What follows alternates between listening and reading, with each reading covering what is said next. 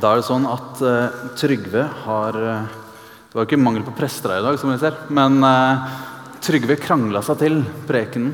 Nei da, han gjør ikke det. Men han tok utfordringa, og han skal ha preken i dag. Og jeg skal få lov til å lese teksten han skal snakke om. Den står skrevet i evangeliet etter Johannes i det første kapittelet. Dagen etter sto Johannes der igjen sammen med to av disiplene sine. Da Jesus kom gående, så Johannes på ham og sa, 'Se, Guds lam.'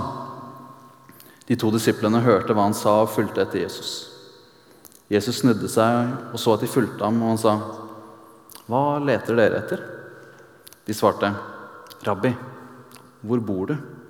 Rabbi betyr lærer. 'Kom og se', sa Jesus.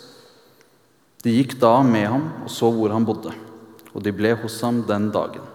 Det var omkring den tiende time. Andreas, Simon Peters bror, var en av de to som hadde hørt det Johannes sa, og som hadde fulgt etter Jesus. Han fant nå først sin bror Simon og sa til ham, 'Vi har funnet Messias.' Messias betyr 'den salvede'. Så førte han Simon til Jesus. Jesus så på ham og sa, 'Du er Simon, sønn av Johannes. Du skal hete Kefas.' Det er det samme som Peter. Dagen etter ville Jesus dra til Galilea. Da fant han Philip og sa til ham, 'Følg meg.' Philip var fra Betsaida, den byen Peter og Andreas var fra. Philip traff Nathanael og sa til ham, 'Vi har funnet ham som Moses har skrevet om i loven,' 'og som også profetene har skrevet om.' Det er Jesus fra Nasaret, Josefs sønn. Kan det komme noe godt fra Nasaret? sa Nathanael. Philip svarte, 'Kom og se.' Jesus så Nathanael komme gående og sa, 'Se, der er en sann israelitt, en som er uten svik.' 'Hvor kjenner du meg fra?' spurte Nathanael. Jesus svarte, 'Jeg så deg før Philip ropte på deg.' Da du satt under fikentreet. Da sa Nathanael, 'Rabbi, du er Guds sønn, du er Israels konge.' Tror du fordi jeg sa at jeg så deg under fikentreet? sa Jesus. Du skal få se større ting enn dette. Så sa han, sannelig, sannelig, jeg sier dere, dere skal se himmelen åpnet og Guds engler gå opp og ned over menneskesønnen. Slik lyder det hellige evangelium. Ja. Jeg må først si at eh, det er et privilegium. Kjekt at jeg skal få holde denne talen til dere. Kjekt å se så mange. Um, ja. Kanskje vi må få litt Jeg lover vi må ha litt monitor på preken i dag, sånn at uh, bandet får med seg det jeg sier. Herlig. Herlig, Ingeborg. Ok. Vi skal gå inn i den teksten som ble lest. Og det er jo en fantastisk tekst. Ganske lang. Eh, og det jeg har bedt meg mest fast i, det er starten. Vi kjenner kanskje de to andre, eller de tre andre historiene der Jesus sier til de første disiplene 'Følg meg'. Mens i denne teksten, når vi liksom er helt i starten av Johannes-evangeliet, og det er Jesus sitt møte med disiplene, så stiller han et spørsmål først. Han spør hva leter dere etter? Og så sier han, 'Kom og se'.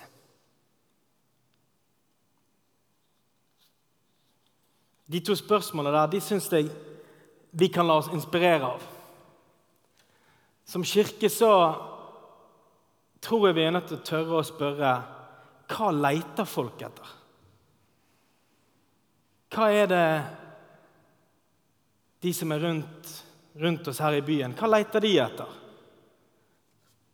Konfirmantene som kommer inn i kirken hvert år, hva er det de leter etter?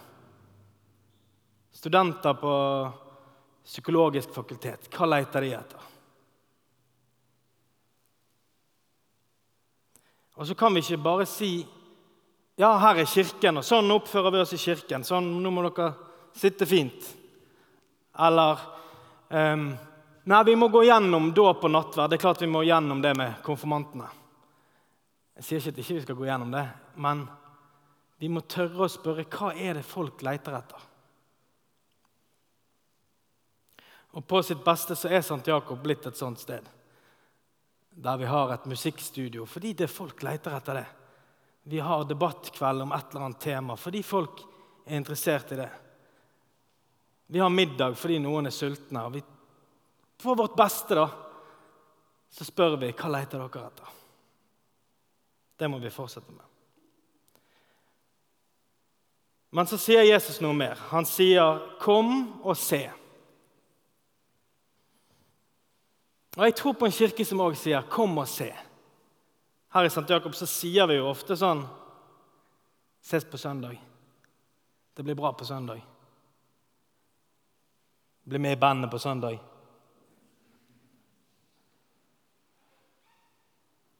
Og så er spørsmålet Og jeg tror at et ungdomsarbeid eller en kirke som ikke sier 'kom og se', 'kom, bli med',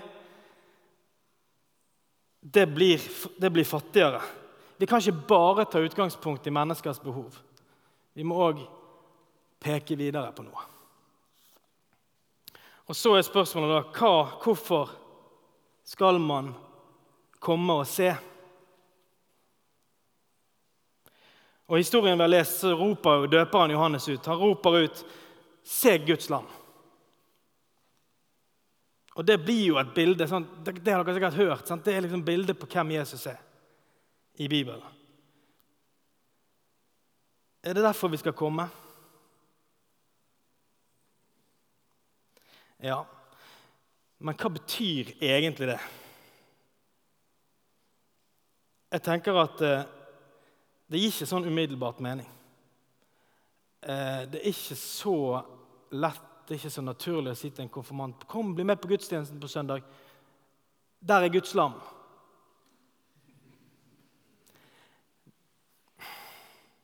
Og jeg tror at Når Johannes sier det, så står Johannes, Johannes døperen han står jo i sin verden med en jødisk bakgrunn, rituell praksis der ofring har vært en del av religionen.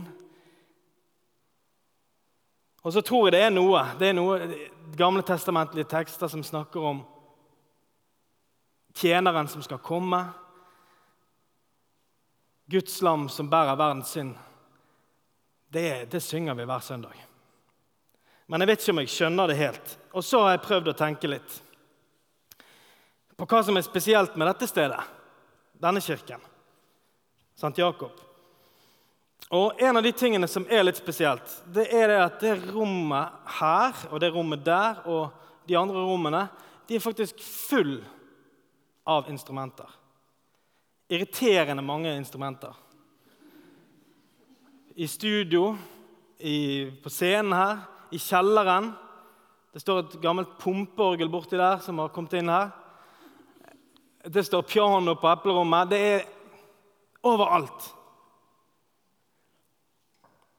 Og så er det ett instrument som er litt spesielt. Um, og det er det pianoet her.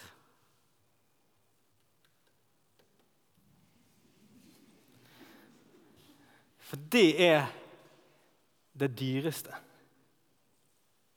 og det beste. Og det er der det liksom skjer. Det er det pianoet her. Når han begynner å spille på det pianoet der, liksom, da, da må de henge seg på. Det pianoet, det er viktig. Det er Erik Minde som har skaffet det pianoet. Det koster mange penger. Vi bruker det hver søndag. Og det er hjertet i musikken her på bygget. Men så er det sånn at selv det pianoet der, som er så dyrt og så fint, og som vi eier og som låter veldig fint, det må stemmes. Og det her ble jeg bevisst på fordi det var noen som hører bedre enn meg hva som er stemt og ustemt, som sa at det pianoet begynner å bli litt ustemt. Da har vi liksom et problem, hvis det pianoet der begynner å være ustemt. Da må dere stemme det ut fra det pianoet der. sant? Dere pleier å bruke sånn ja, app kanskje, eller en egen tuner. da.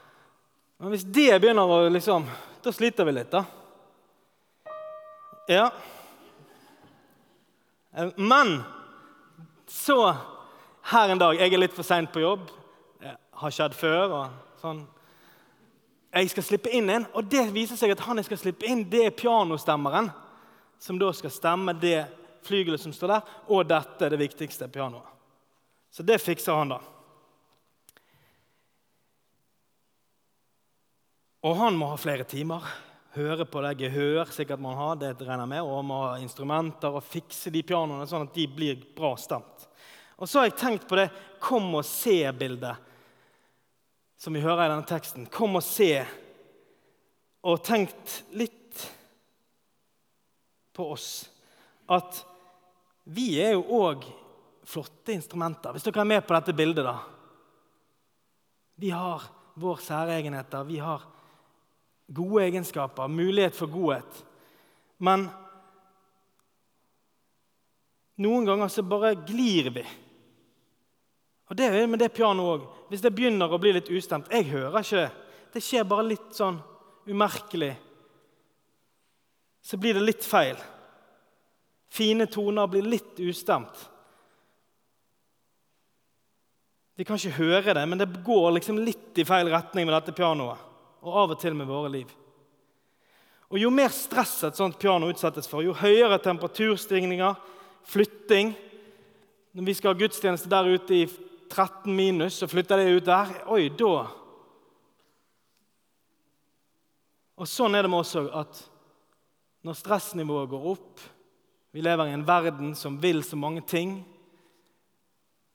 så trenger vi enda mer å bli stemt. Det som er med et piano, det er ikke sikkert alle vet, men det er faktisk et strengeinstrument, akkurat som en gitar. Ikke akkurat da, men samme prinsippet. Og da er jo poenget, det vet dere på en gitar, sant? så kan du stramme, Hvis du strammer den for hardt, så ryker den.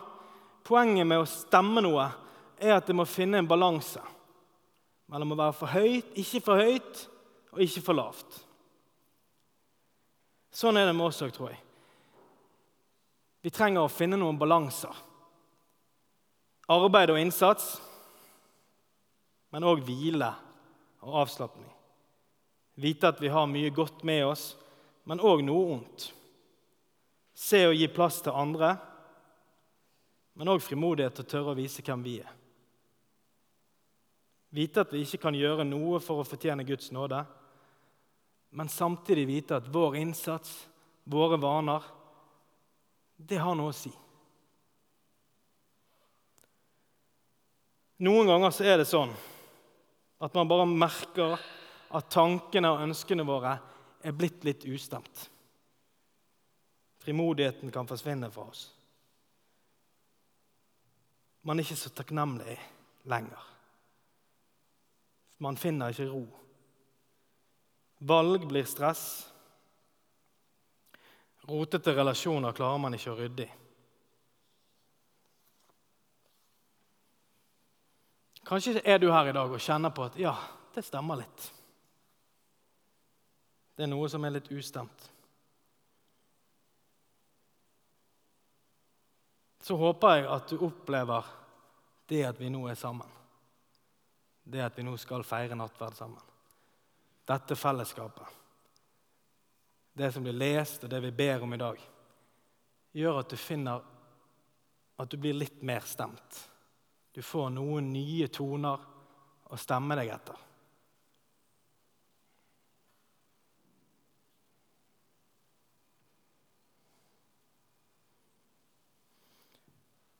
Og Det skjer i gudstjenesten når vi kommer og ser.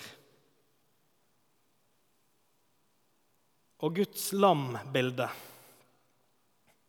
Det store er jo at Gud blir menneske, kommer inn i våre liv, vil være oss nær. Guds lam som skal ødelegge det vonde.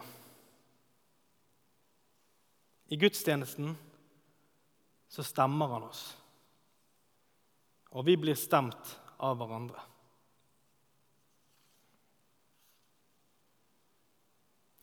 Målet er ikke at vi skal bli en annen.